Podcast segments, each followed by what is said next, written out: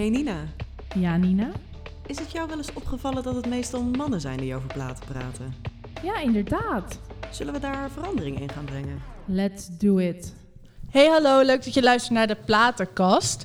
Ik ben Ian de Koning. En ik ben Nina Dammers. En in deze podcast bespreken we het leven aan de hand van onze platen. We kiezen om de week een album dat we grijs hebben gedraaid. Laten Discogs een random plaat onze catalogus kiezen. En bespreken om de beurt een gouden ouwe. Maar we hebben deze keer een gast. en eh, eigenlijk heeft ze gewoon niet eens een introductie nodig. Mensen weten al wie zij is. Het is We kunnen zeggen dat ze TMF-video is geweest. Zeker. En eh, ze doet nu bij één, waar ik lid van ben. Dus dat is ook heel tof. En verder, ja, ik denk echt niet dat ik meer hoef te zeggen, Sil. Nou ja, bij Eh, deze Sylvana Simons. nou, ehm, hallo. Hier ben ik. Ja, we komen met haar ehm, ja, de, de platen bespreken die we deze week grijs hebben gedraaid. Ehm, wil jij beginnen, Sylvana? Ja? Welke heb vandaag, eh, of deze week grijs gedraaid? Nou, ik draai al een tijdje helemaal grijs. eh, eh, een track van het nieuwe album van Alicia Keys. Ah, nice. En het heet Underdog, die track. Dus eh, v- volgens mij ook wel de eerste single van haar nieuwe album.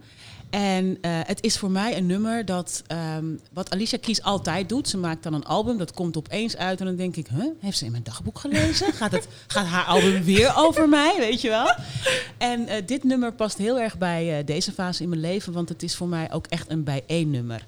Het, Ah, ehm, nice. Ja, het, het gaat over... ehm, eigenlijk gaat het over solidariteit. Mhm. En het zien van zoveel mensen die heel vaak niet gezien worden.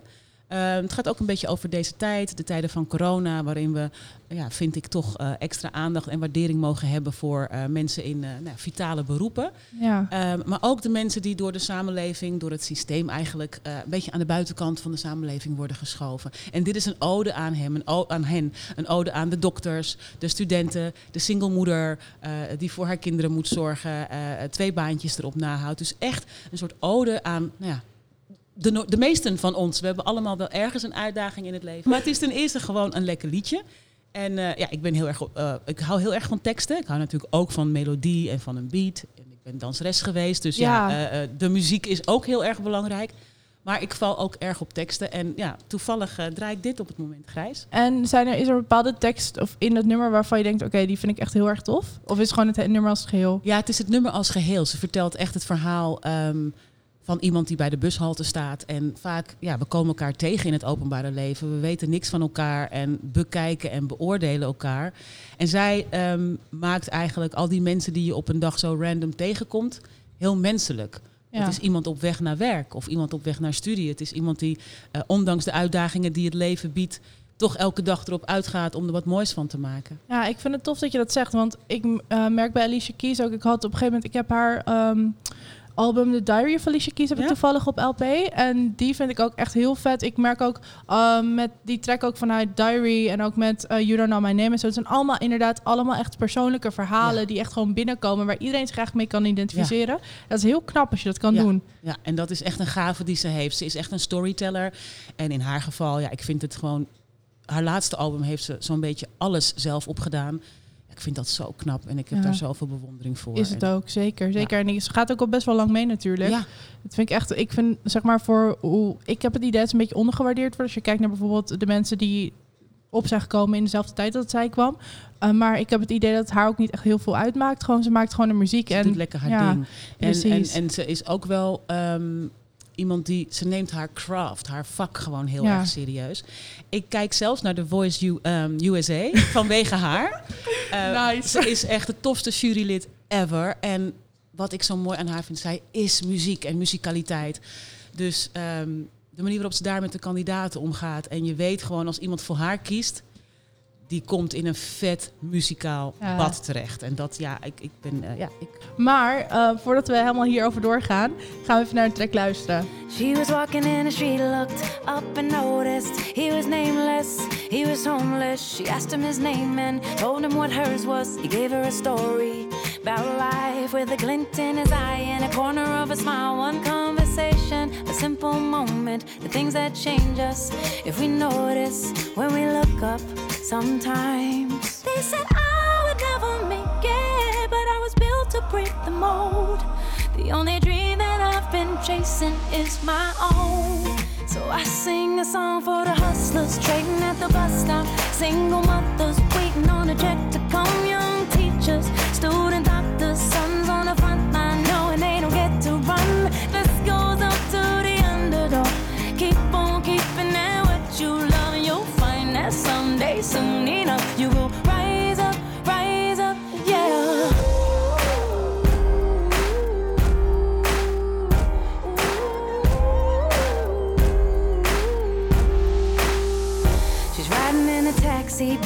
the kitchen, talking to the driver about his wife and his children on a run from a country where they put you in prison for being a woman and speaking your mind. And she looked in his eyes in the mirror and he smiled. One conversation, a single moment, the things that change us if we notice when we look up sometimes.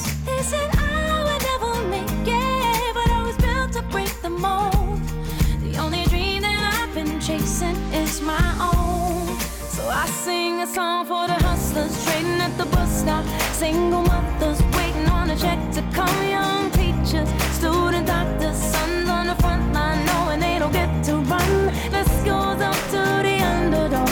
Keep on keeping it what you love, and you'll find that someday, soon enough, you will rise up, rise up, yeah. Nina, tel ons, wat heb je gedraaid deze week? Nou ja, eigenlijk heb ik de afgelopen maand, ik ben alle kanten opgegaan qua muziek. Het is eh, herfstig weer en dan word ik heel erg meegetrokken met alles. Hartstikke melancholisch. Ik heb, ja wat is het? Ik heb zowel Italo gedraaid als klassieke muziek, als de R&B kant opgegaan, als ultieme herfstplaten. De plaat die ik mee heb genomen, dat is eigenlijk een plaat die al ehm, drie jaar bij mij eigenlijk vast in de roulatie zit. En dat is Kalala met Take Me Apart. En, En- welk nummer van haar vind je het tofst? Ik vind het, eh, het album in zijn geheel prachtig. Eh, alleen de plaat, het nummer wat ik nu meeneem, dat is het nummer Blue Light. En de plaat is dus uitgekomen op Oh ja. 6 oktober 2017 bij Warp Records. Het is een deluxe editie, dus ik heb twee 12-inch clear vinyls. En eh, het is geperst in Engeland. En het genre Aldus Discogs is alternative R&B. Ja, wacht, Sylvana, moet- dit moeten we even uitleggen. We proberen dit dus vaker te doen om gewoon uit te leggen wat, wat de specificaties van de plaat zijn. Ja. Omdat we dit altijd vergeten. Oké, nou nu dus netjes. Ik dacht de vorige keer, eh, toen dachten we nu, we, ga- we gaan het organisch doen. Want de eerste keer hadden we netjes ons lijstje. ja, Alleen, ja, dan vergeet ik dus een label te noemen, wat vrij, essentieel is als je het over een plaat hebt, inderdaad. wat kan heel handig zijn. Nee, maar, dus- maar, maar Sylvana, voor jou vinden we het niet erg, hoor, maar wij moeten natuurlijk wel een klein beetje feitelijk nog bij de... Ja, ik ben tegenwoordig gewoon alleen maar liefhebber. Ik heb geen enkele verantwoordelijkheid over de info rondom de artiest en alles wat erbij hoort. Maar ik ken natuurlijk dit dilemma. Mhm. ja. Eh, want ja, zo, zo, zo, dat is toch een beetje je taak ook. eh, ja, zeker in deze context van zo'n podcast. Dan Ja. moet je natuurlijk je luisteraar informeren. Precies, en van sommige heb je eh, best wel zoveel edities. Ik eh, heb toevallig, ik heb dan Joss Stone meegenomen met de Soul Oh, Sessions. nice. Ja, ik, hou- ik hou ervan. maar, ehm, maar dan heb je dus inderdaad heb je een eh, versie die dan eh, toevallig niet helemaal is uitgegeven door eh, Virgin, maar door Back to Black Final. En dat is dan weer een speciale serie die dan allemaal oude, oude albums op plaat Ja. uitgeeft. Dus dat is, dit ligt er dan weer net aan en dan wil ik het wel een beetje, weet je wat. Maar ik vind het wel ontzettend tof dat jullie gewoon vinyl weer ehm, nou ja, de, de, de, het respect geven dat het verdient. Eh, voor, ik weet nog, dat is heel grappig. Ik ben natuurlijk al eh, iets ouder. En ik weet nog wel. toen- Ietsjes, klein beetje. toen mijn dochter nog klein was, en die is ook al volwassen intussen. Toen vroeg ze een keer: Mama, wat zijn toch die zwarte ronde dingen? En ik zei: Oh, maar dat is vinyl, dat zijn platen, daar kan je muziek op luisteren. En toen zei ze: Maar dat past toch niet in de CD-speler? En wie heeft er tegenwoordig nog een CD-speler? Ik bedoel, zo lang is het dus geleden. En zo snel zijn we dus eigenlijk van die mooie dragers, eh, zoals vinyl, maar eh ja, zelfs stiekem ook wel CD, eh, afge, afgestapt Ja. eigenlijk. Dus super tof dat jullie dat weer. Ja, zeker. nou, we merkten gewoon heel erg... Op een gegeven moment, we gingen een podcast luisteren van andere mensen die over vinyl praten. En het waren gewoon voornamelijk al mannen. Ja. En ja, wij- het zijn ook genoeg, genoeg vrouwen die dit doen en die dit leuk vinden. Dus we wilden eigenlijk gewoon een beetje een tegengewicht Ja, tof. bieden. Ja, Dus zodoende. Ja, nou goed, laten we eerst jouw platen dan ingooien. Zeker. En dan komt gewoon die van mij er daarna meteen bij. En dan leg ik wel even uit hoe of wat. Ja. Laten we dat doen.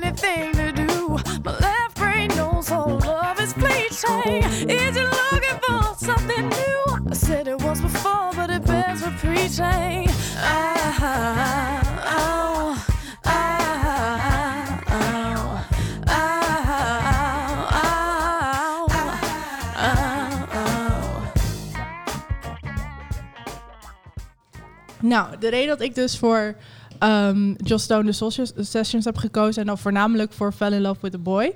is omdat zij heeft een hele goede stem. En ik vind het heel knap, want volgens mij heeft ze die plaat gemaakt toen ze 16 was. Ja, klopt. Ja, dat is echt bizar. Gewoon voor hoeveel ziel ze in die plaat heeft gegooid. Dus ja, dat vind ik gewoon heel knap. En ik waardeer dat gewoon heel erg. Ik vind haar andere platen ook wel goed, maar ik vind deze eigenlijk wel echt het best. I agree. Maar echt knap hoor, 16, wauw. Echt dat, dat ik... Maar hebben jullie nooit, dat, net dat heb ik namelijk altijd, dat ik gewoon, gewoon ouderwets jaloers ben. Gewoon dat ik Ja. denk, waarom kan jij zo zingen? Absoluut. Ik heb dat met zoveel, maar inderdaad voornamelijk met de vrouwelijke artiesten. En dan denk ik, hoe ben jij zo getalenteerd Ja. en hoe adem jij muziek? Echt gewoon uit alles stroomt muziek bij mensen. Ja, En voor mij is Kalila dat ook inderdaad. Dat, eh, ik, ik vind haar zo fascinerend. Ze heeft een prachtige stem. Ze heeft zulke goede teksten. En ze staat daar gewoon. En toen ik haar ook drie jaar geleden in concert zag, ik kon alleen maar gelukzalig naar het podium ja want leg me dit even uit. Ik ken haar namelijk niet. Ja, Volgens mij was ze namelijk eh, Ethiopisch-Engels, als ik het me goed heb onthouden. Maar we moeten ons bij de feiten houden. Ja, nee, daarom ben ik even aan het factchecken. Normaal gesproken gaat dit dus veel soepeler. Is heel, het Oh, ik, weet- ik zit heel erg te genieten, want dit is toch wat er gewoon ook, als je thuis zit met vrienden, eh, dit is wat er gebeurt. ja. Oh nee, dit moet je echt even horen. Oh tof, wat is het? Eh, ja, eh, dat moet ik even opzoeken. Ik weet alleen maar dat het gewoon tof is, weet je wel. Nou, ik moet heel erg lachen. Dit is een goed verhaal. Ik, was, ik had een set van mezelf aangezet van een hele tijd geleden. Omdat onze familie had best wel van house en, en techno-muziek. Dus we waren op, ik was met mijn oom en mijn tante en ik had die set aangezet. En zat mijn oom dus gewoon te shazammen. Oh. Ik zo, liever, dit is gewoon mijn set. Ik kan je het gewoon zeggen. Hij zei, oh, dat wist ik helemaal niet. Ja, maar dat is, dat is dus het leuke van muziek delen met elkaar. Eh, of je dat nou met YouTube-filmpjes doet of inderdaad met platen. Eh, ik weet dat ik altijd ongeduldig word. Dan zet iemand iets op, zeg je, oh, dat is echt tof. Oh, wacht, wacht, wacht, dan moet je dit ook horen. En dan wil je bijna niet meer naar eh, de voorgaande track luisteren. Ja, maar wie is het dan? En het, is, het mooie van muziek is, ehm, het is altijd tof. Het is tof als je het heel goed kent en je het helemaal voelt en mee kunt zingen. Maar het is ook tof als je iets helemaal niet kent Ja. en daarop gewezen wordt.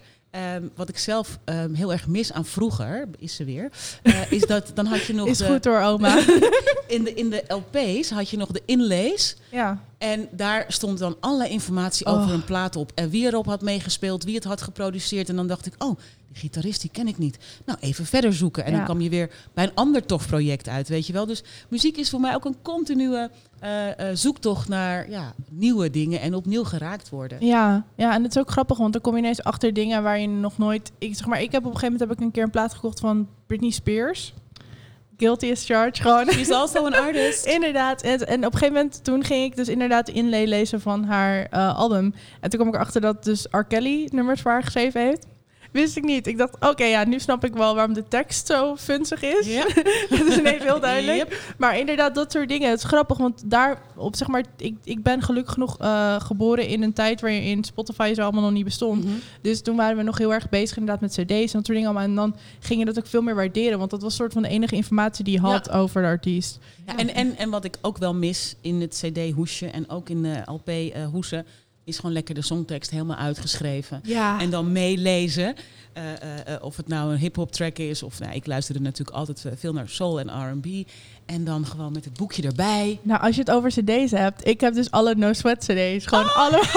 Dan heb je er waarschijnlijk meer dan ik. Ja, maar daar ken ik jou. Ja, echt geweldig. Ja, het is bizar, want ja, jullie zijn voor mij gewoon volwassenen, equals. Maar tegelijkertijd, you grew up with me, so it's weird, kind of, Ja, but ik nice. heb echt, als ik die cd open doe, dan zie ik gewoon jouw gezicht. ja, ja. Is dat die, die, die, die foto met die korte blonde krulletjes? Ja. Die zit geloof ik wel in één of meerdere Ja, cd's. volgens mij in twee Ja. ervan. En eentje ook met gewoon alleen zwarte haar, Ja. volgens mij. Eh, en verder weet ik het eigenlijk niet meer zo goed. Maar ik weet wel, er was eentje die ik echt, die vond ik zo lijp. Dat er staat eh, Casey en Jojo op.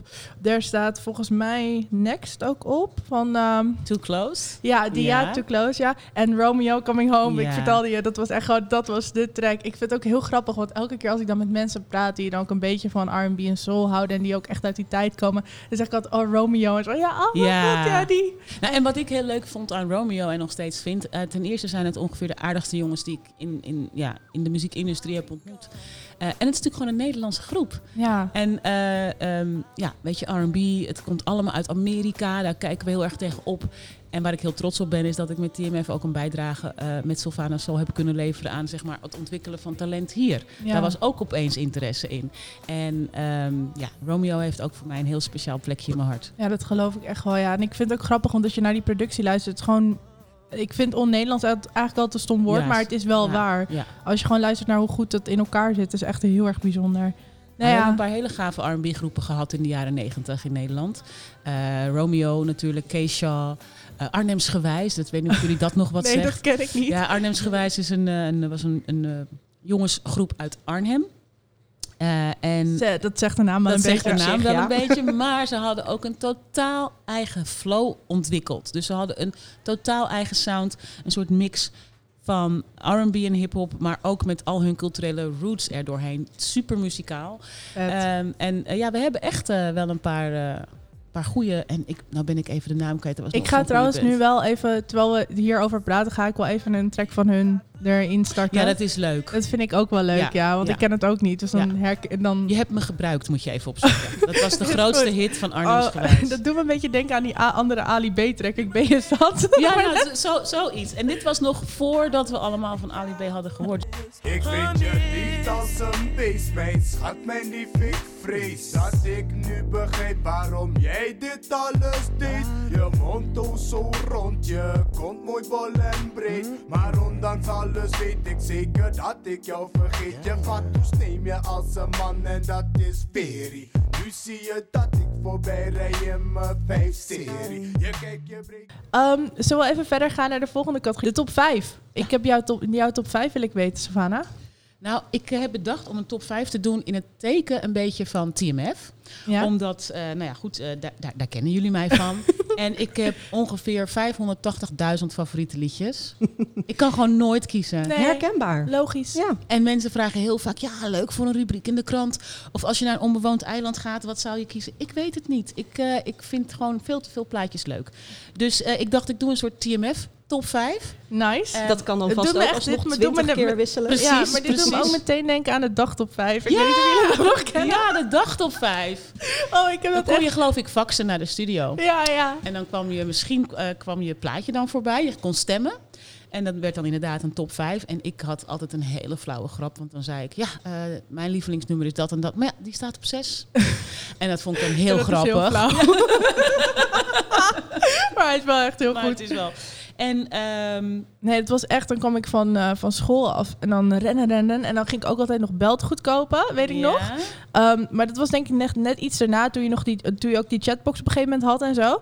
Maar ik weet nog dat ik echt gewoon rennen, rennen, rennen achter mijn tv. Gewoon op mijn bed een tv aan en dan ging ik gewoon de dag op vijf kijken. En dat vond ik dan super vet. Ja, het dat was was- ook wel bijzonder. Ja. Het was ook voor het eerst dat zoiets er was in Nederland. Dat je echt Ja. uit school kon komen. En eigenlijk zat je beste vriendin, Fabienne, eh, Bridget, zat dan ergens in een studio. Maar je had het gevoel dat het toch dichtbij was of Ja. zo. Dat ze bij jou op de kamer zat. Zeker, ja. Het was heel, eh, ja, het was echt heel bijzonder. Ja, ik vind het ook wel, ik, inderdaad, sowieso die hele community building die jullie deden. Maar ook gewoon alles wat nu nog, als je nu over Team F praat, mensen hebben nog steeds zoveel herinneringen Klopt. eraan. En dat vind ik echt. Ik weet ook dat bijvoorbeeld. het is even, we, dwalen een klein beetje af. Maar een vriend van mij die is van de Sun Club. Ik weet niet of ja, je dat kent. zeker, Ja, ja, ja. zeker. En ehm, ik had het dus met hem over dat ik dan inderdaad vroeger, dan had je die track, hoe heet het, eh, Summer Jam. En dan ging ik inderdaad TMF aanzetten. En dan kwam die al, die kwam de hele zomer lang kwam die voorbij. Dat is gewoon zo grappig hoe je dan bepaalde muziek ook aan die, aan die tijd kan Absoluut. koppelen. Dat is net als met geur. Muziek en geur,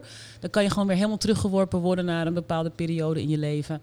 En vooral het gevoel wat je er dan eh, bij had. Eh, sommige platen, dat is puur liefdesverdriet. Ja. Andere is puur een fijne zomervakantie. Eh, en dat gaat ook eigenlijk nooit meer weg. Als je een bepaald gevoel hebt bij een bepaalde track, dan, dan, dan hoort dat er gewoon bij. En. Ja, ik heb wel platen gehad als ik die hoorde, dat is nu wel over, maar dan kon ik ook meteen bijvoorbeeld in huilen uitbarsten, omdat ik dan een bepaalde emotionele Ja. herinnering ehm, daaraan had. Maar op vijf, in mijn Ja. top vijf, Ik hou ervan. We kunnen zeg maar nu gewoon nog twee uur lang hierover blijven praten. nou het eerste nummer eh, in mijn top vijf eh, is eigenlijk eh, van de eerste artiest die ik sprak toen ik bij TMF ging werken. En ik had geen idee wie zij was, maar het was een grote Amerikaanse ster. Little- Ik had echt werkelijk geen idee. En ik mocht haar interviewen. En ik kreeg een album toegestuurd eh, van de platenmaatschappij. Een klein biootje van, nou ja, eh, dit is haar naam en eh, nou ja, maak er maar wat van. En ik was ontzettend nerveus. Ik moest dat natuurlijk in het Engels doen. Dat vond ik op zich niet zo spannend. Maar ik was vooral bang dat... Ja, ik wist niet zoveel van die artiest. Ik wist niet zoveel van haar. Dus ik was bang dat ik dat niet goed zou doen. Eh, maar het ging goed. Eh, het is in Nederland is ze nooit echt doorgebroken. Ze is nooit een grote ster geworden. Ehm, maar ze is wel een van mijn favoriete artiesten gebleven. Maar de track waar ik het over heb heet Sentimental. En haar naam is Deborah Cox.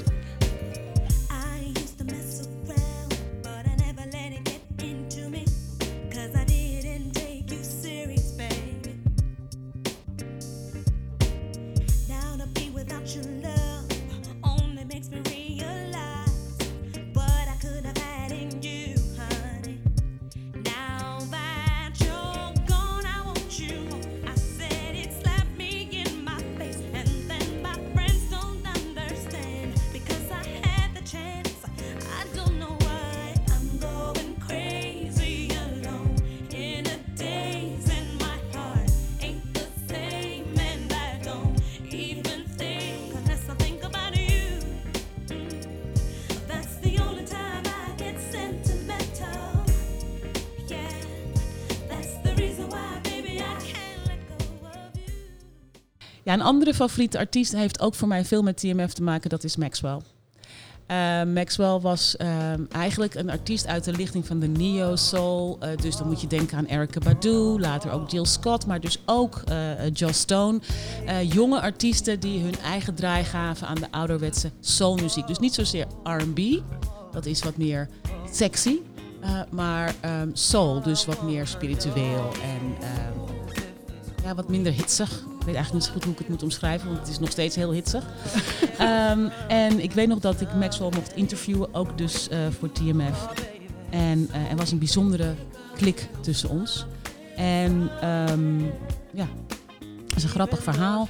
Ik ontmoette de- deze artiest, ik mocht hem interviewen, bijzondere klik. En het was een beetje een gek interview, want ik zat eigenlijk alleen maar zo naar hem te staren. you so cute, you so cute. En ik had een gouden regel. Eh, we gaan niet eh, eh, no funny stuff met artiesten en, en mensen in de platen zien. Dat is niet goed. Dus er is eigenlijk nooit wat uitgekomen. Maar ik weet dat hij een tijd daarna weer in Nederland was. Hij gaf een optreden in Utrecht en ehm, hij had gezegd: Ik doe geen pers. Dus na het, ik werd uitgenodigd voor dat concert. En na het concert twijfelde ik heel erg: zal ik naar zijn kleedkamer gaan, even gedag zeggen of Snap niet? ik totaal. En toen dacht ik, nou, hij doet geen pers. Ik ben pers. En ja, ik ben geen groupie. Dus nou, ik ga maar niet naar die kleedkamer. Volgende ochtend kom ik op kantoor eh, in Bussum bij TMF. En er staat echt een bos bloemen zo groot als deze tafel ongeveer. En er staat op van Maxwell. En ik dacht, nou dit geloof ik niet. Dus ik heb al mijn collega's door elkaar geschud. Wie neemt mij hier in de maling? Who's playing with my heart? Is dit echt van Maxwell? Ja, het was echt van Maxwell. Nou, platenmaatschappij gebeld. Iedereen gebeld, alles gecheckt. En ja hoor, de bloemen waren echt van hem. Dus ik zeg tegen die eh, jongen van de platenmaatschappij van... Goh, kan ik hem nog eh, bedanken? Kan ik hem nog spreken? Ja, hij zit net op het vliegtuig naar Engeland. Nou, weer een gemiste kans. En toen, weer een jaar later of zo, krijg ik een telefoontje uit Amerika van zijn platenmaatschappij op mijn huistelefoon. En ik denk, huh, wat gebeurt hier? Want dat- normaal gesproken gaat dat via eh, de, platenmaatschappij en de zender.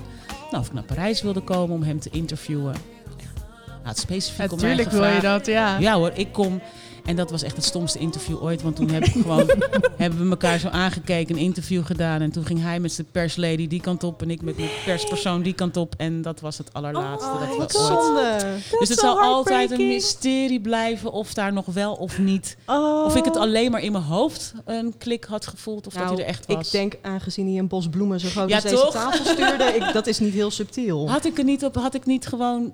Is zo'n is zo'n regel niet een beetje stom van no funny stuff with artiesten? Ja, ik snap de regel wel. Nee, ik, begrijp vind het gewoon, ik moet eerlijk zeggen, ik vind het gewoon stom. Ik Ja, had het wel toch? gedaan. Achteraf denk ik echt, waarom was ik zo professioneel? Ja, het is goed, maar ook weer echt super onhandig. Ja. want Ja. je leeft maar één keer. Dat is Ik ben, waar. ik, ben, ik ben er misschien iets te makkelijk in hoor. Ik heb echt zoiets van, nou fuck it, I don't care. Ja, achteraf heb ik daar echt vaak over nagedacht van waarom zo professioneel Sylvana? Gewoon Ja, maar aan de andere kant kan je ook denken van ja, het is een mooie herinnering. En misschien dat het ook wel heel verkeerd kunnen aflopen. Dus je weet, nu is het gewoon nog open. En nu kan je voor eeuwig een soort van dromen van wat er misschien van wat er had zijn. kunnen zijn. En nu Precies. is het in elk geval ook gewoon een heel goed verhaal. Ja, toch? precies. Ja, In plaats van dat het was geweest, ja, en eh, toen ben ik maar naar bed gegaan. Toen heb ik niet de roos gekregen. Ja, ja, dat had nog gekund. Ja, dat ik dan, nee, nee, nee. Dus het is eh, al met al prima afgelopen. Eh, maar dat, dat gebeurde natuurlijk wel vaker. Dat, ja, je kwam, iedereen kwam daar. En, eh, Ja, want zijn er nog andere verhalen van artiesten waarvan je denkt van, oh ja, dat... Nou, je had het net over Casey en Jojo. En ik vind dat die ook wel in de top 5 horen. is een van de grootste, zeg maar, TMF-hits Ja. van die tijd. Ik, ik, ik, Ik heb het zo vaak geluisterd, En zoveel. ik denk met jou iedereen. En ik denk dat het een van de. Ik, ik vermoed dat het een lovemaking song is, een bruiloftssong. eh, Ja. Maar misschien ook wel een, een, een liedje ter afscheid. Eh, dus het, het, ik denk dat heel veel mensen dit nummer. Eh, eh, ik denk ook serieus nog, hebben. want ik weet toevallig, ik ben toen we nog konden uitgaan, ging ik natuurlijk ook wel naar Chicago Social Club en dat soort clubs. En dan hoorde je ook heel vaak gewoon al die R&B klassiekers nog voorbij komen. En dan hoorde je soms ook zelfs deze nog even, oh, gewoon waarin mensen even met, met elkaar meezongen. En dat is gewoon mensen van mij, nou nog niet eens mijn leeftijd, nog jonger dan Ja, ik. Dus dat is echt heel knap hoor. Nou, wat, wat wel een leuke anekdote over die twee heren is, is dat ehm, Casey, dat is zeg maar, eh, je had de, het waren twee broers en je had de skinny one en eh, de bigger one. Zo hield ik ze uit elkaar, want. eh, ehm, ja, ik kan ze nog wel voor de geest halen inderdaad, ja. Nou, en de skinny one, Casey, die had echt een hele doorleefde, rauwe soulstem. Een beetje een stem à la Bobby Womack bijvoorbeeld. Weet je, een oude, echt zo'n zo'n lekkere, raspige soulstem. En toen ik hem ontmoette, begreep ik wel een beetje hoe het kwam. Want eh, de man stonk naar alcohol. Het kwam uit al zijn poriën. Gewoon, hij zat naast me en ik werd gewoon ziek. Gewoon echt... blech. Nou, ook weer zo'n verhaal. Eh, we doen een interview. Eh, nou, hartstikke leuk. Aan het eind van het interview komt er iemand van de Amerikaanse platenmaatschappij naar me toe en die zegt: Mr. Casey would like to see you in his room tonight. Oeh. And I was like, well, I'm so sorry for Mr. Casey, but that's not going to happen. Um, I would have considered if he had asked me himself. Ook niet, maar goed. Nee. Uh, maar dat was dan weer uh, de Amerikaanse aanpak. Er kwam even iemand van de platenmaatschappij melden dat ik, het, uh, dat ik uitverkoren was om nog even naar zijn hotelkamer te gaan. Maar het waren... Uh, dat doen ze nu trouwens wel een stuk minder romantisch hoor, kan ik je vertellen. Oh ja? Ja, ja. Ik als DJ natuurlijk heb ik ook wel eens af en toe dat ze dan pro iets proberen. En dan, dan appen ze, dan berichten ze gewoon van... Uh, kom je nu naar mijn hotelkamer, dit en dit en dit is het nummer. En dan denk ik echt zo bij mezelf... Wat denk je? Ja, ik heb letterlijk gewoon één keer meegemaakt dat ik met een, een guy erover aan het praten was. Over dat het echt niet kon, dat dat niet oké okay is. Helemaal niet naar vrouwelijke DJ's, omdat je dus echt heel erg... Uh, ja, gewoon disrespect is het. Ja. En um, toen uh, letterlijk vijf à tien minuten later, toen was hij weg naar zijn hotelkamer. Toen kreeg zijn hotelnummer kreeg ik doorgebericht. En toen heb ik echt alleen maar teruggestuurd... Are you for real? Ja, wat moet je ermee? Weet Zo, je wel? nou, maar zit je me nu letterlijk te stangen? Of wat, wat begreep je niet aan ons gesprek hiervoor, zeg maar? En ik denk dat ik eigenlijk ook juist daarom altijd die gouden regel heb gehad. No funny stuff. Ik zat ook gewoon eh, in een relatie. Hè. Dat is ook een belangrijke, Ja. belangrijke oorzaak om eh, het niet met anderen te doen. Maar het was voor mij wel vanaf begin af aan duidelijk van, nou ja, het is al lastig om gerespecteerd te worden in zo'n business. Ehm, dus laat ik maar gewoon echt, eh, ja, let's be professional. Dan, dan, dan, ja, dat soort verhalen hebben we gewoon niet nodig. En dan laat je er wel eens een lopen die je heel leuk vindt. Eh, maar het was ook wel heel makkelijk om eh, dan eh, ja, mensen af te wijzen van, nou nee, gaat gewoon Ja. niet gebeuren. Dan gaan we naar de volgende. De volgende, dat is er eentje, dat, die, ja, die is niet zo heel erg TMF, maar voor mij wel. Dat is een, ehm, een Euro House track van C.B. Milton. Yay! Ja, dat vind ik heel leuk. En ik zat even te twijfelen tussen C.B. Milton of The Two Brothers on the Fourth Floor. Want ehm, ik heb ooit eh, onderdeel uitgemaakt van The Two Brothers on the Fourth Floor. Echt? Ja, in, Oh, de, in the very first Oh my original God, samenstelling. Dit wist ik helemaal niet. Nee, ik wou net zeggen. Ik En ga, ik ga een foto opzoeken, die ga ik op Twitter zetten. Nice. Ga ik jullie taggen. Top. Ehm, De Two Brothers, dat zijn twee eh, broers, twee producers. En ehm, zij maakten de muziek en de beats, maar ze hadden altijd ehm, ja, andere artiesten die natuurlijk de vocalen deden. En in hun allereerste samenstelling was Peter Baburek, eh, eh, de Rebel MC. Nee, hoe die nou?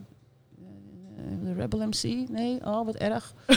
Het is allemaal zo lang geleden. In ieder geval, eh, hij was de rapper en ehm, er was een rapper en twee dansers. Of vier dansers, moet ik zeggen. En ik was een van de vier dansers. En ik heb, nou, ik ga die foto's eh, delen met je. ja, die wil ik zeker te zien. schattige foto's van onze optredens in Parijs. Nou, als je het nu terugziet, denk je echt eh, vier man publiek. Maar wij, voor ons was het heel wat. We gaan naar Parijs en we gaan een showcase doen. En Oh, ik ken dit zo we goed. ingevlogen, voelde me heel wat. Ja, Nou, het is wel een ding als je niet voor vier mensen een fantastische show kan geven. Precies, helemaal mee eens. precies. Daarom, Dus, als je het voor een volle zaal kan doen, kun je het ook voor drie Ja, en je en weet maar en nooit- voor vier mensen. En eh, Ja, één van die vier mensen kan net de persoon zijn precies. Eh, de DJ die je nodig hebt om op de radio gedraaid te worden. Of, en het waren gewoon hele leuke, leuke tijden. Veel, het was allemaal veel minder opgeklopt dan nu. Eh, dus ik twijfelde, want ik heb als eerste bij de Two Brothers gedanst. eh, en geplaybacked eh, backing. en ehm, dat mocht toen nog. En daarna ben ik bij CB Milton gaan dansen. Die is in Nederland meest bekend met Send Me an Angel. En ja, die hem- ken ik ook inderdaad. ja, Ja, en met hem heb ik dus jarenlang getoerd, eigenlijk de halve wereld gezien. Ik was zijn danseres op het moment dat ik bij TMF terecht kwam. En ehm, ik moest ook wel daardoor op een gegeven moment afscheid nemen van mijn rol in eh, de groep, omdat ja, ik werd zelf opeens bekend. En ik was achtergronddanseres. En als achtergronddanseres, leuk dat je er bent, maar je hebt geen naam. Je bent niet eh, iemand, zeg maar. Ja. En op een gegeven moment, ehm, door TMF werd ik bekender en bekender. Dus toen kon ik niet meer echt eh, op de achtergrond blijven dansen, omdat ja, mensen mij ook gingen herkennen. Eh, dus ik dacht, nou ja, welke van de twee? Het verhaal van de Two Brothers is leuk om te delen, eh, maar ik heb nog steeds zoveel liefde voor Clarence Becker, oftewel C.B. Milton. Send me an angel.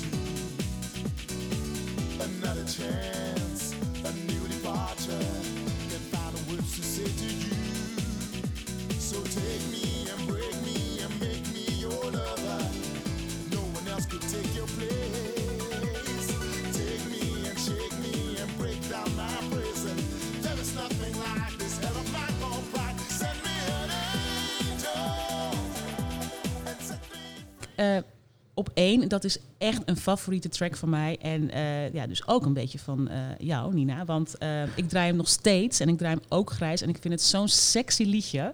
En dat is Next met Too Close.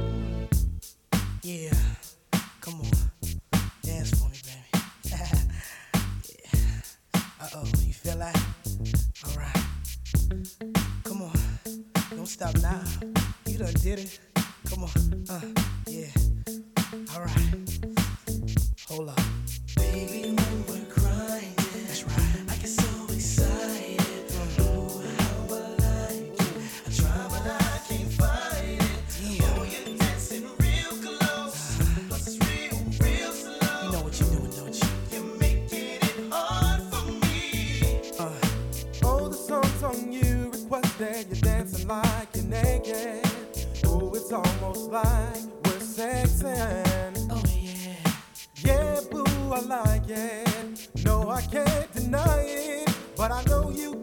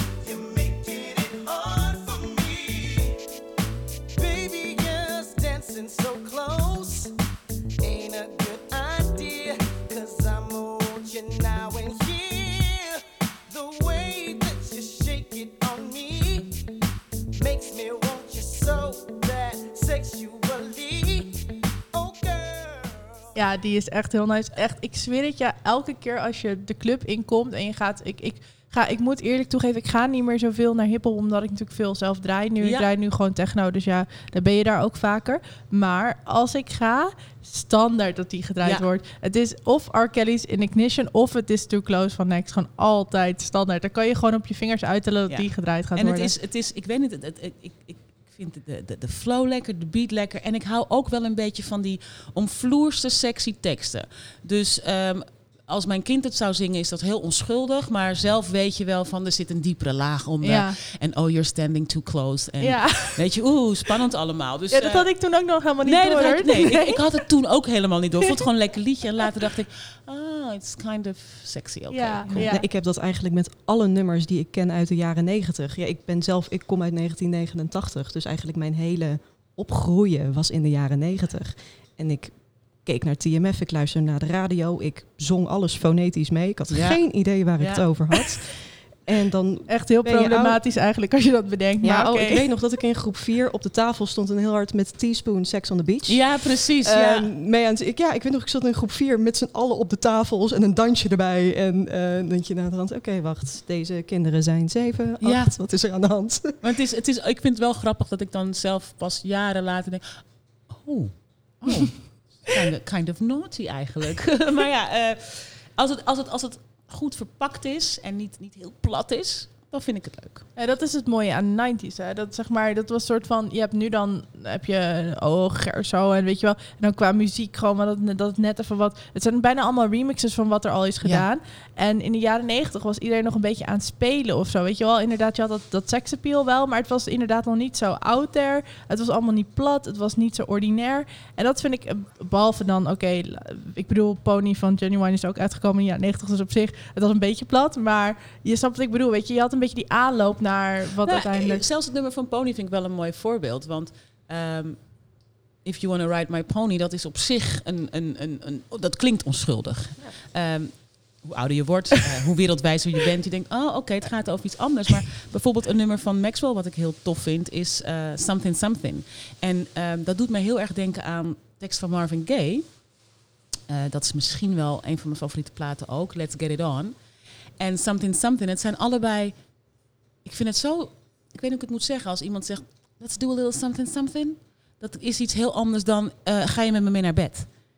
I, I wanna Weet je wel? Dus en, True. en, en let's Zeker get it waar. on. Ja, klinkt ook helemaal niet, niet, niet ranzig. You just wanna get it on. En dan weet iedereen wat je bedoelt. En het is gewoon sexy. Ja, Ja. Alhoewel wel met Pony van Genuine. Er is nog één andere mooie podcast. Die hebben dat nummer helemaal ontleed.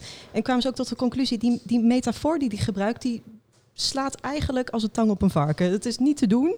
Het gaat van de ene keer is een pony, is dat nou zijn schoot? Of Ja. wat, waar, waar gaat het op? Nee, iedere keer. Oh, ze de- hebben de- dat de- echt... eh, ja, de ja. betekenis van pony verandert eigenlijk de hele tijd Oh, gedurende het nummer. Dus die zeiden van, ja, en ze hebben het ook, hebben ze ook nog de stems opgezocht. En eh, ook bij het nummer van Jills Remedios. En dan, dat, als je dat alleen die isolated vocals hoort, nou, ik krijg ook echt overal Oh, echt kippenvel.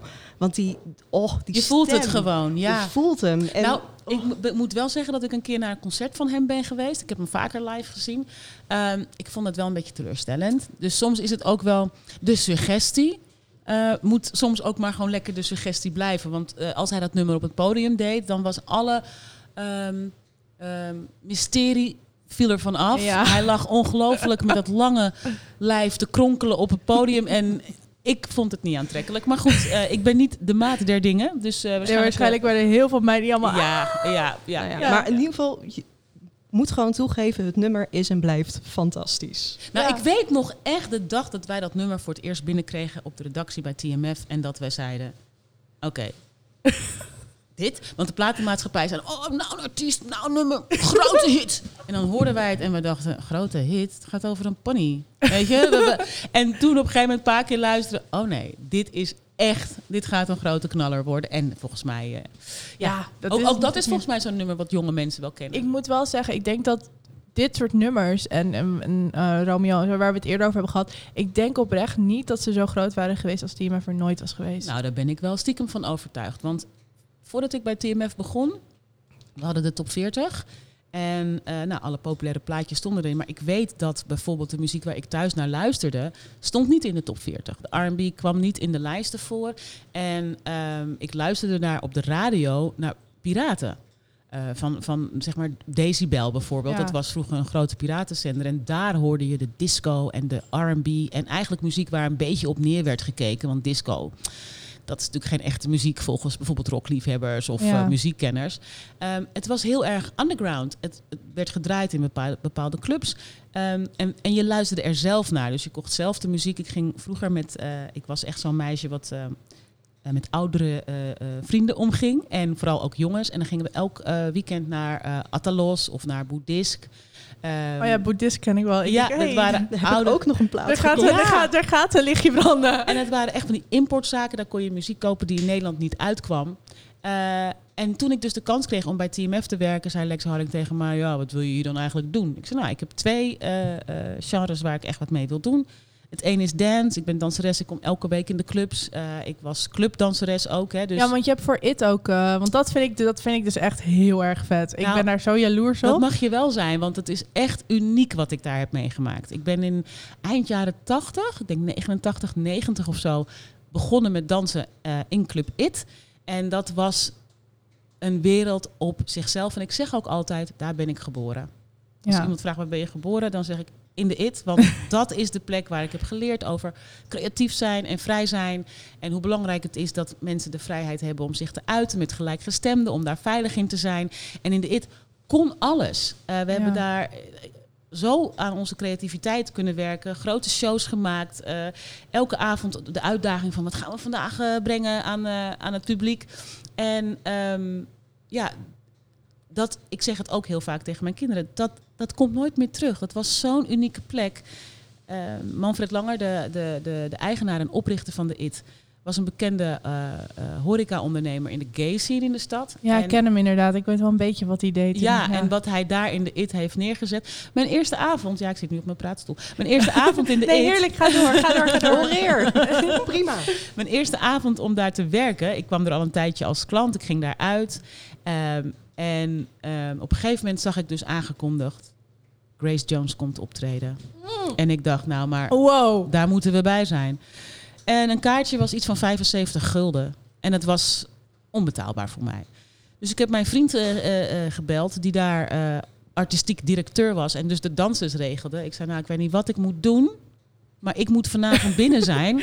Logisch. En, eh, Dit was echt precies ook de reactie geweest die ik had gehad. Hoor. Ik zei, Dus ja. het, het maakt me niet uit wat ik moet doen. Ik moet vanavond binnen zijn, want Grace Jones is er. En toen zei nou, dan kom je toch dansen. Ik kende hem ook als danseres. Hij zei, dan kom je toch dansen? Ik zei, ah, het is goed. En toen stond ik dus ineens daar s'avonds in een zwart pakje met een witte pruik op. Oh en my een, god. En een, en een fluitje in mijn mond op de Oh bar. my god. Maar ik deelde wel de kleedkamer met Grace Jones en het podium. Oh. En het was de eerste avond dat ik daar als danseres eh, gewerkt heb. En dat heb, ben ik vervolgens nou, toch wel bijna tien jaar blijven doen Oh, ik of ben zo. zo jaloers. Ja, het was, en wat ik ook zo Gewoon, gewoon je debuut in de IT, gewoon meteen Grace Jones. Ja. Dat doe je gewoon even. En ook omdat ik echt dacht, ja, ik heb geen 75. En het mooie was ook nog, die avond kreeg ik natuurlijk niet betaald. Want mijn betaling was het feit dat ik naar binnen kwam.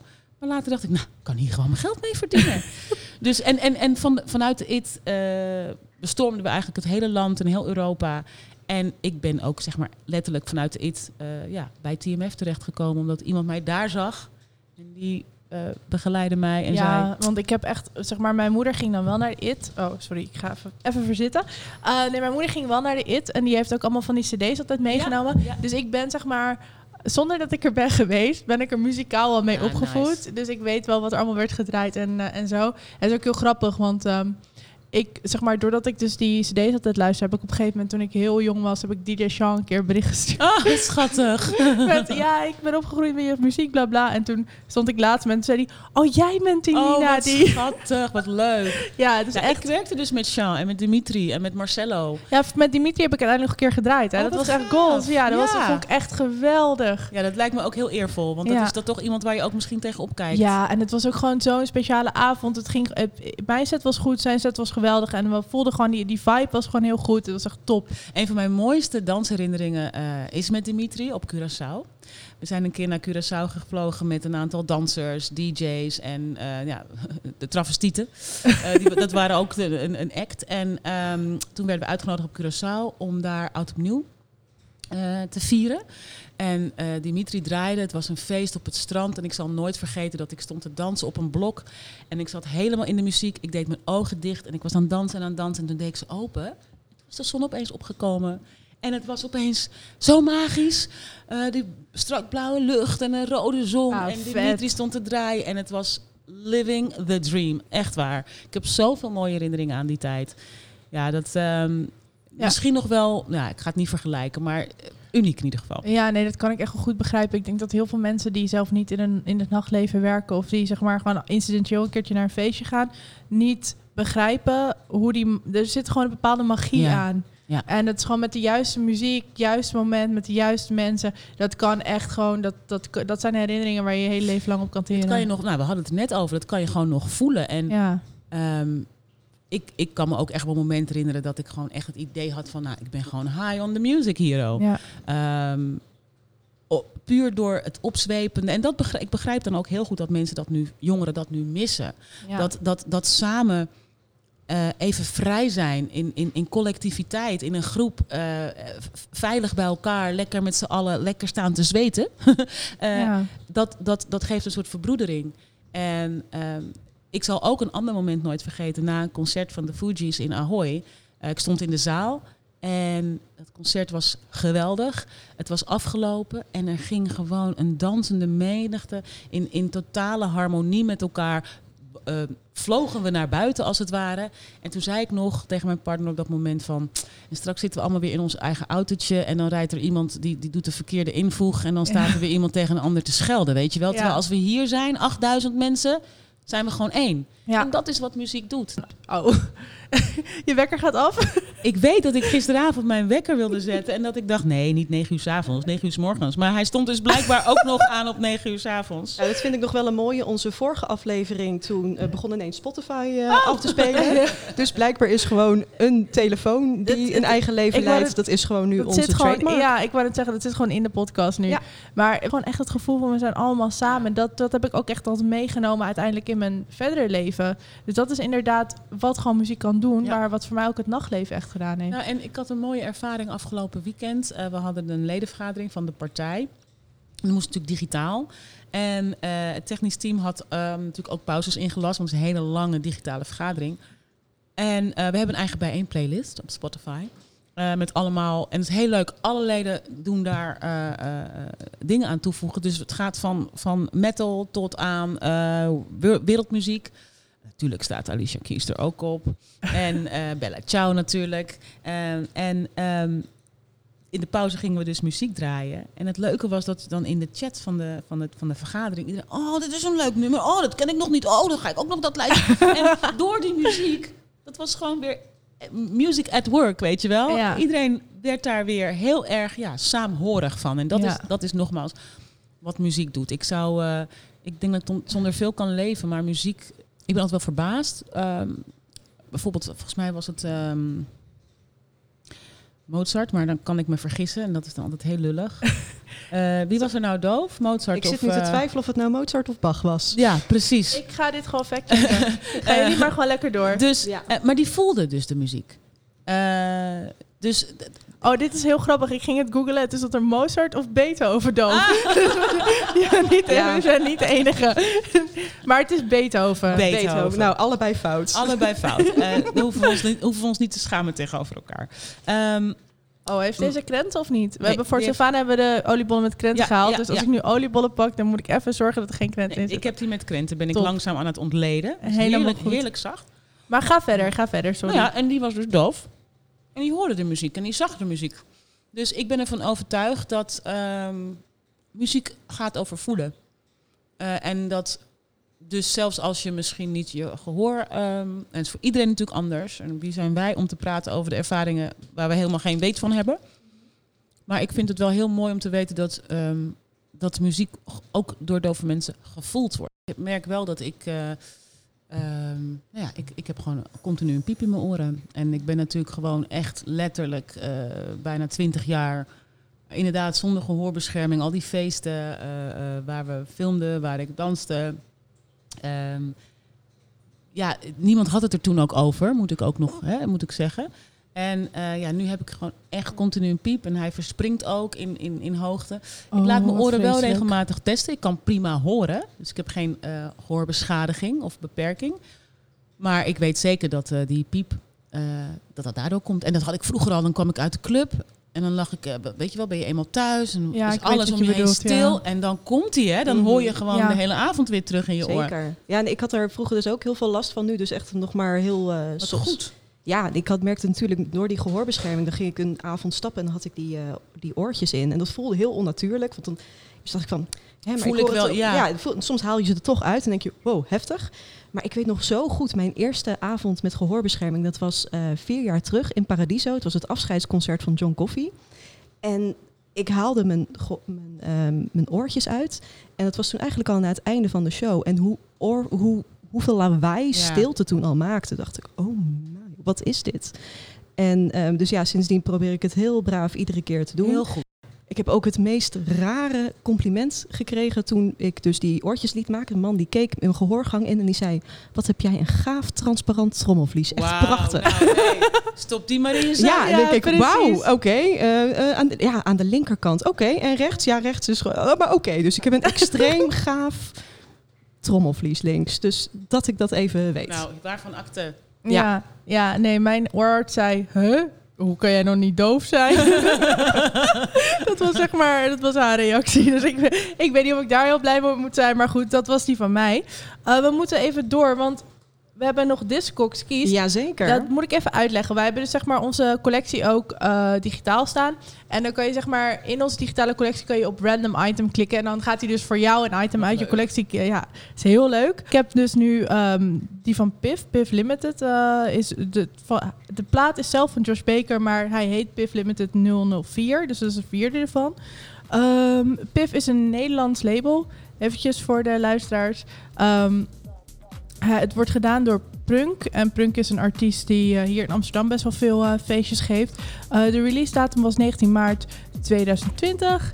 En het nummer dat ik ervan heb gekozen is Immediate One. En dat is dus ook een eh Chris en Prunk remix.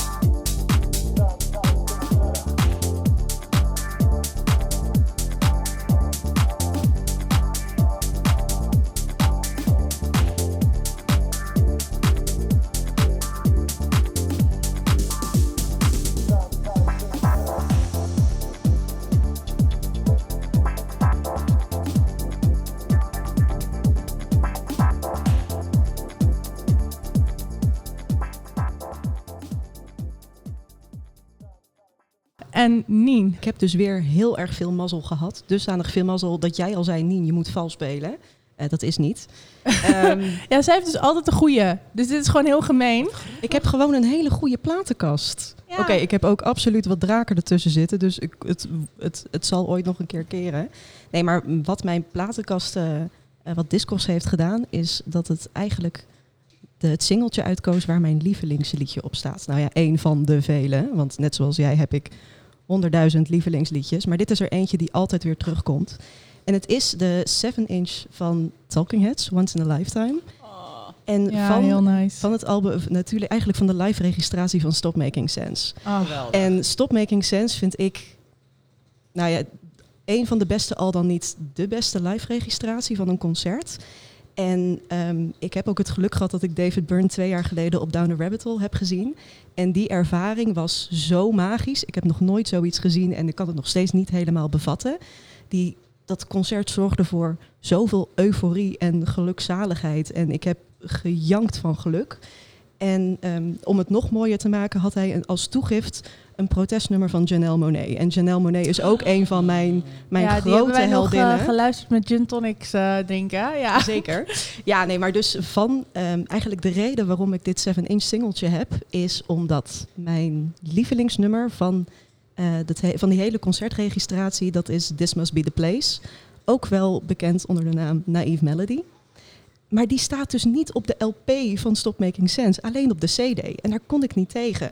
Dus toen ben ik allemaal 7-inch eh, de, de singlebakjes afgegaan op zoek naar die plaat. Toen vond ik hem een paar jaar geleden dolgelukkig, want het is dus een B-kantje. Dus ik heb meegenomen Naive Melody, oftewel This Must Be the Place van Stop Making Sense. Hij komt uit 1984. Ehm, het is dus een 7-inch maxi-single. Het is een Europese persing en het is van het label EMI.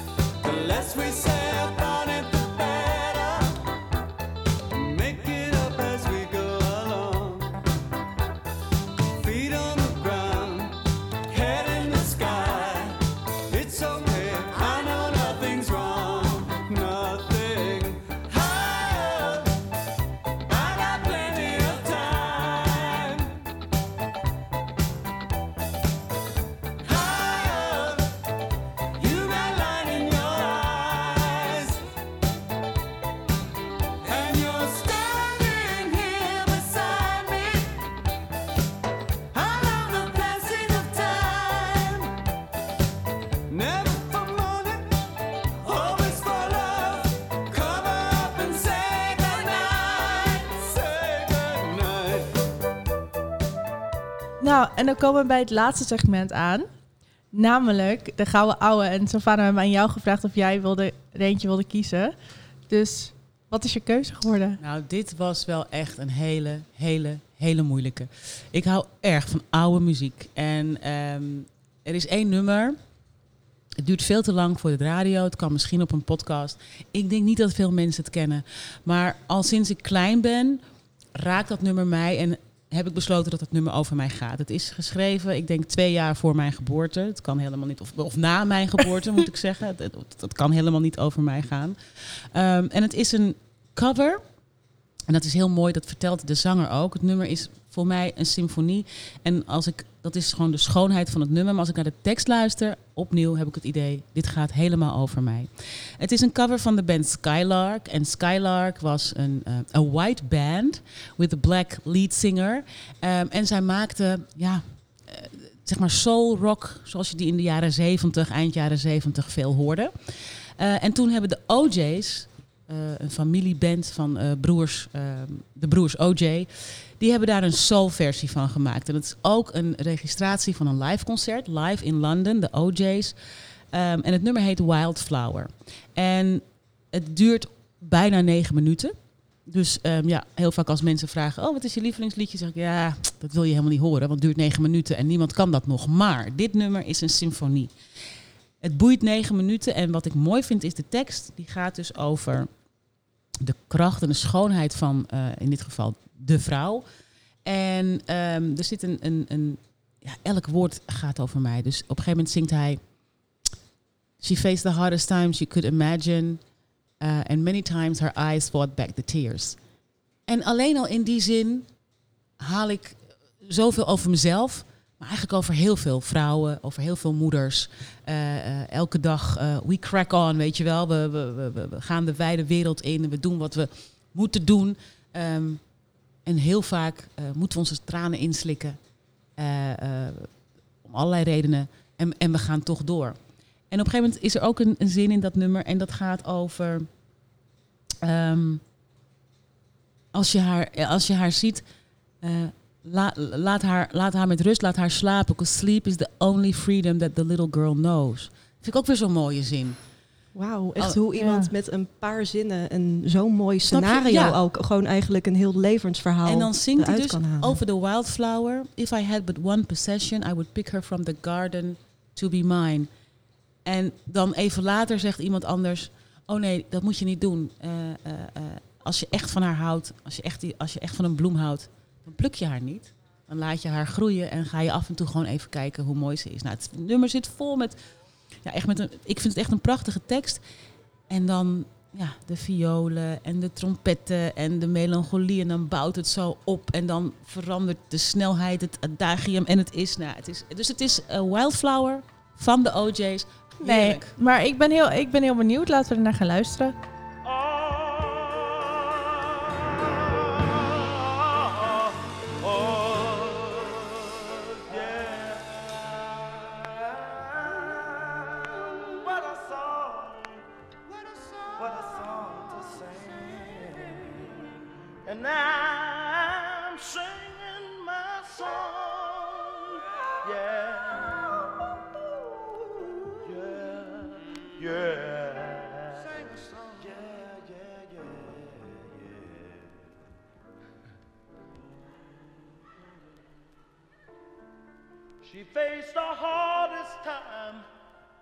Would imagine.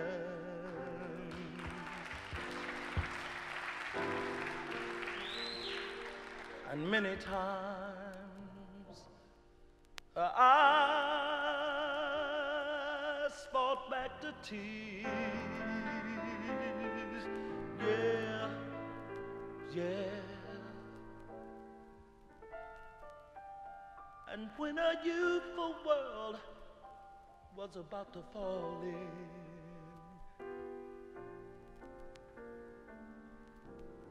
Each time hustling the shoulders for the weight of all her fears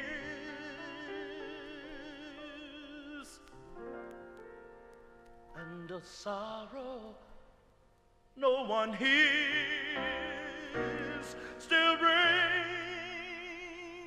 in midnight silence in her ear.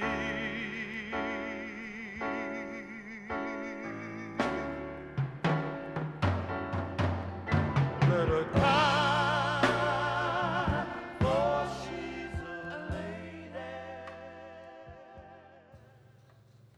En eh, dan zijn we nu bij het einde gekomen van de podcast. Eh, Oprecht, ik kan nu nog echt nog wel uren met je Ja, over ik ook. Och, ik vind eh, het ja. zo leuk. Ik heb het zo naar mijn zin Maar gehad. wat ik eigenlijk nog wil doen, we hebben Oh. op Instagram en op Twitter Oh, hebben we... vragen. Shit, ik vergeet helemaal die vragen. Nee, dat komt goed. Ik heb ze netjes opgeschreven allemaal in mijn boekje. Lekker analoog. Ja. Ehm, nee, we hebben dus eh vragenstickers geplaatst en op Twitter ehm, gevraagd Het is zo erg dat ik die gewoon vergeten was. muziekgerelateerde vragen Ja, hadden voor ik heb Sylvana. wat voorbij zien komen. Heel en leuk. we hebben echt heel veel reacties gehad. En ik zit nu even te vragen, zal ik beginnen voor met de grappige of met, nou ja, eigenlijk wat ik de allerleukste vond in het begin. Dat is een eh, vraag van Tom.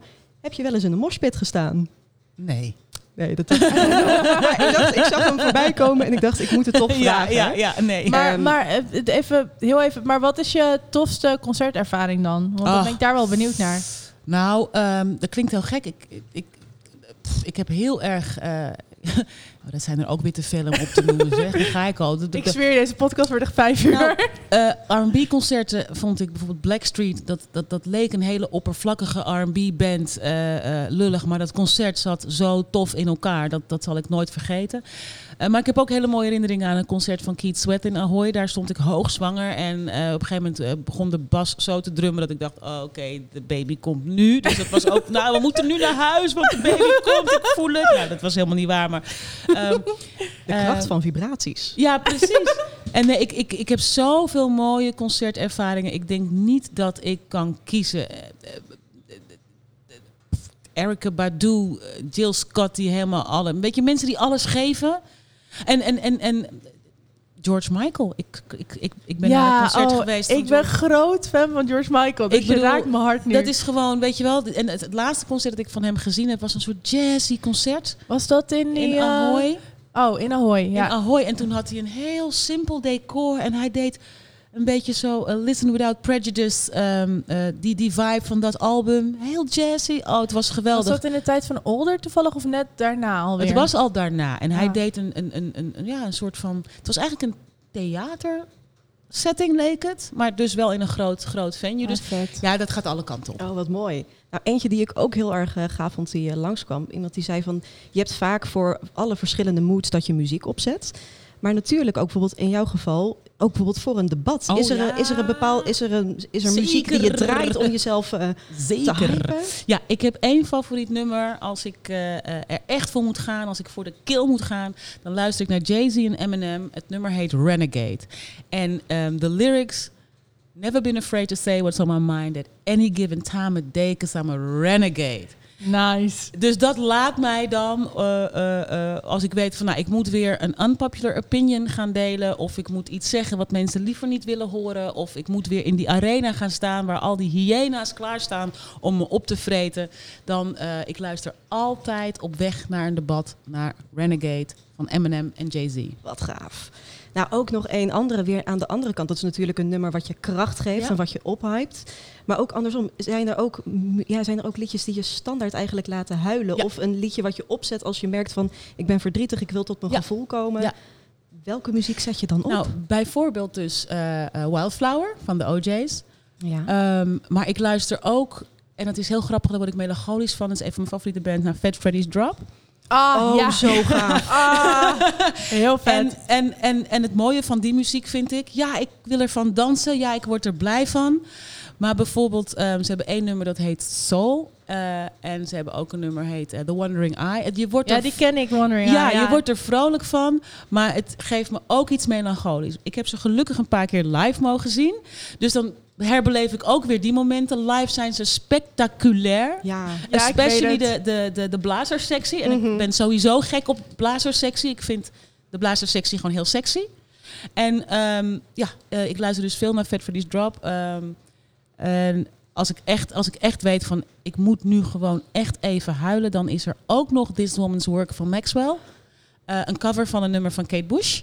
Ehm, Ja, daar ben ik heel groot fan van, van Kate Bush. ja, Kate Bush is, nou ja, ik, ben- ik ben met haar opgegroeid. En Ja. ook als danseres met haar opgegroeid. Dus Ja. zij, en en in, toen ik jong was in mijn jeugd hadden we Running Up That Hill. Ja. Mhm. Dat was een grote hit. Dus eh, veel, veel liedjes. Maar ik, ik, ik, ik zoek ze inderdaad, ik zoek de tranen af en toe echt bewust op met behulp van muziek. Ja, wat goed. En eigenlijk ook, nou je hebt het nu natuurlijk al, ook al over Kate Bush, daar ben je mee opgegroeid. Eh, wat is eigenlijk het eerste album wat je hebt gekocht? Nou, dat weet ik heel goed, want ehm, het eerste singeltje was, meen ik, van Spargo. En het eerste album dat ik kocht was, ehm, meen ik, van Sister Sledge, eh, We Are Family. Ah, vet. Ja, en dan kreeg elke week kreeg ik geld van mijn oma. Ik, ben, ik was, werd vroeger ontzettend verwend door oma en ooms en iedereen. En dan mocht elke week, mijn oma woonde in eh, Bos en Lommer, Amsterdam-West. Op de Bos en Lommerweg zat een platenzaak. En dan zei ze, ga maar wat leuks kopen. En dan kreeg ik vijf gulden. Dan kon je een singeltje van kopen, van vijf gulden. Eh, maar het album was van Sister Sledge. En het grappige is, dat is dus ontze- ontzettend onwijze disco-muziek. Ehm, maar er staat bijvoorbeeld één nummer op, dat heet We're All American Girls. Eh, en het is eigenlijk gewoon een heel politiek nummer. Maar het is heel swingend. En dan had Ja. je die zusjes in hun rode, glimmende eh, leggings. Eh, maar ze zingen eigenlijk over segregatie en over ehm, marginalisatie als zwarte vrouwen in Amerika. Dus het klonk heel vrolijk. En laatst luisterde ik er weer naar en toen dacht ik, oh, it's a political song. Ja. Nee, maar ook dat is volgens mij wel vaker met, met disco. Volgens mij als je Boogie Wonderland bijvoorbeeld opzet. Het, het, het, je wil gewoon meteen gaan dansen. Het klinkt super vrolijk, maar de tekst is eigenlijk hartstikke duister. En er zit echt een diepere laag Oh in. En god, dat ik doet wist het allemaal nog niet. Ik, ben gewoon, ik heb het gewoon letterlijk opgezet. Ik dans er gewoon op en verder Ja. gewoon niks. Ja, maar dat, ik, ik, ja, ik, ik ben re- ja, pas reden, de afgelopen jaren redelijk weer gewoon disco gaan opzoeken. En ik kan nu gewoon eigenlijk zeggen dat ik gewoon heel veel liefde heb voor jaren tachtig disco. Ehm, maar ja, toen, op een gegeven moment toen ik dat doorhad, dat eigenlijk in heel veel disco-muziek zo'n laag zit. Ja. Dat er gewoon ja, heel veel pijn en verdriet ook zit. In, in, ja, er zit gewoon heel veel pijn en verdriet in. Maar doordat er eh, gewoon doordat de beat erin zit en die tonen, wil je dansen. En ik, ja, dan vul ik maar gewoon in dat het eh, mede is om ook pijn te verwerken. Ja, zeker. Zeker. En met name natuurlijk veel zwarte muziek gaat daarover. Is een middel om te verwerken. Eh, dat geldt voor de, voor de rhythm and blues. Dat komt ook voort uit pijn, verdriet, eh, de slavernij. hè, dus dus muziek, de hip-hop. Het is, het is heel vaak geboren om een vreedzame manier te vinden om daarmee te dealen. Om het ook bespreekbaar te maken, om het geaccepteerd te maken, om het over bepaalde zaken te hebben. Dus de disco, de hip-hop, eh, eh, ja, de, de rhythm and blues, het komt allemaal voort uit een manier om. En eh, zelfs techno. Detroit en techno, zelf ja. techno, ja. Detroit techno is ook gewoon, komt ook gewoon uit, eh, uit Detroit. Uit From dat wel, streets. Ja. En, en, en ik ben bijvoorbeeld, ik ben echt gek op UK Garage House. Eh, Ja. Ik was vroeger eh, een Speed Freaks eh fanaat. Ik ging altijd naar die feesten. En nou, ook weer zoiets. Weet je, de echte rauwe UK Garage. Dat Ja. komt ook uit de- wat ze in Amerika de projects noemen. Ja. Dat heet daar de ehm, community housing.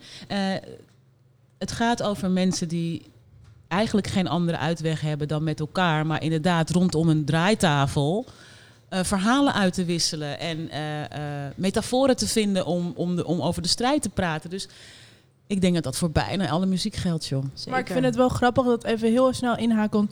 Is dat met elektronische muziek dat heel veel mensen dat dus niet weten. Is dat vooral wat je ook zegt over UK Garage, maar ook over Detroit Techno. Is dat heel veel mensen denken: oh, techno, eh, gewoon eh, eh, een beat. En, eh, en met, ik denk met Artful Dodgers, Ja. Craig David, wat een van de meest bekende UK Garage platen natuurlijk is. Dat denken mensen ook gewoon: oh, leuk Lekker nummer. feestje, ja. ja, maar mensen kennen helemaal niet. Ik heb- Bij met hiphop bijvoorbeeld ligt het iets meer, weten mensen dat iets beter. Maar Ja. Detroit Techno, als ik daar eh, tegen iemand over begin, gewoon een random iemand, geen idee. Ja. Geen idee dat techno, waar zij op een rave op staan te draaien, dat dat eigenlijk komt uit de zwarte gemeenschap. Ja, klopt. En het is heel grappig. Ik weet nog dat ik dus inderdaad eh, begin jaren negentig eh, bij TMF ging werken. En toen zei Lex, nou ja, zeg maar wat je hier wil doen. En toen was mijn eerste antwoord, ik wil zwarte muziek doen. En zei hij, alle muziek is zwarte muziek, Sylvana Simons. Dacht, oh, waardevolle les van de grote Lex Harding. Maar het is wel zo, niet alle muziek is zwarte muziek. Maar veel populaire muziek vindt daar gewoon eh, eh, eh, zijn oorsprong. Ja. Zeker. Dat is eh, hartstikke mooi. En misschien ook in dat is er. ehm, welke muziek inspireert je op dit moment het meest? Ja, ik zit dus wel een beetje in de protestsongs, maar dan bijvoorbeeld eh, softe protestsongs zoals, eh, hè, zoals Alicia Keys, waar Mhm. ik het eerder vandaag over had. Ehm, ik moet je zeggen dat ik niet op dit moment nou een stroming heb waarvan ik denk, oh, dat inspireert mij. Wat ik wel heel gaaf vind om te zien, is dat er een hele nieuwe lichting, met name vrouwelijke eh, zangeressen, eh, vrouwelijke zangers opstaat. Zoals Janelle Monet, Eh, maar bijvoorbeeld ook dat meisje van eh Ratchet, Bougie, eh, ik weet niet hoe zij heet. Ja, ik weet wie je bedoelt. Ja. en, en zelfs Lizzo en dat soort mensen. Het is niet per se, ik bedoel, ik, ik ben wel echt oma. Hè? Dus het is niet zo dat ik nou denk, oh, Lizzo, that's my girl. Hey, Lizzo is wel mijn girl. ja, maar je, maar ik zie wel heel veel vrouwen hun plek opeisen binnen die scene. Oh, nou, als ik dan toch Oh, iemand moet sorry, noemen. even twee, twee- Die Ja? ene waar we het net over hadden was Megan Thee Stallion. Voordat we, Oh, ja. gewoon even voor het luisteraar. Nou, als ik dan toch... Ik, er komt ineens iemand bij me binnen... en dat is iemand die ik veel te laat eh, echt ontdekt heb. Ik luisterde wel, want dat moet nou eenmaal. Maar ehm, Solange. Ja. Solange is een visionary en eh, een, een, een artiest, een kunstenaar.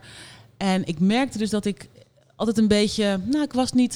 Ik had niks tegen haar, maar ik nam nooit de moeite me echt in haar te verdiepen.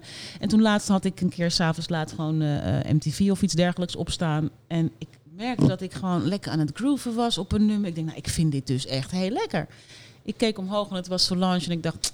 Zie je wel, ik voel dit gewoon. Ik moet er toch wel wat meer huiswerk eh, naar gaan doen. Dus Solange is bijvoorbeeld een van die vrouwen op dit moment die mij wel inspireert. Omdat ik gewoon tof vind dat vrouwen hun plek opeisen en hun eigen ding doen. Dus zelf productie doen, zelf uitbrengen. Als je naar de clips van bijvoorbeeld Solange, maar natuurlijk ook haar zus Beyoncé kijkt. Zij zijn in charge. En dat vind ik heel tof. Ja. En iemand als Lizzo is, is, is exactly wat we nodig hebben. eh, eh. Zeker. Nee, dat was eh, op Netflix. Oh, heet die reeks. Het is van David Letterman. Die heeft dan bepaalde My Next artiesten... Guest. Ja, My Next Guest. Ja. En ook de aflevering met Lizzo is eh, online gekomen. Die heb ik laatst ook eh, gezien. En het is gewoon zo'n fijn interview van een half uur. En over ook zo'n eerlijke, oprecht vrouw. Die zegt ook, ik wil helemaal niet dat mijn... Dat be- bewijzen van dat in de, in de media komt van... oh, kijk hier, een dikke zwarte vrouw die haar plek opeist. Of da- daarom is ze activistisch. Nee, ik ben activistisch puur... Mijn bestaan is activisme Ja. op zich.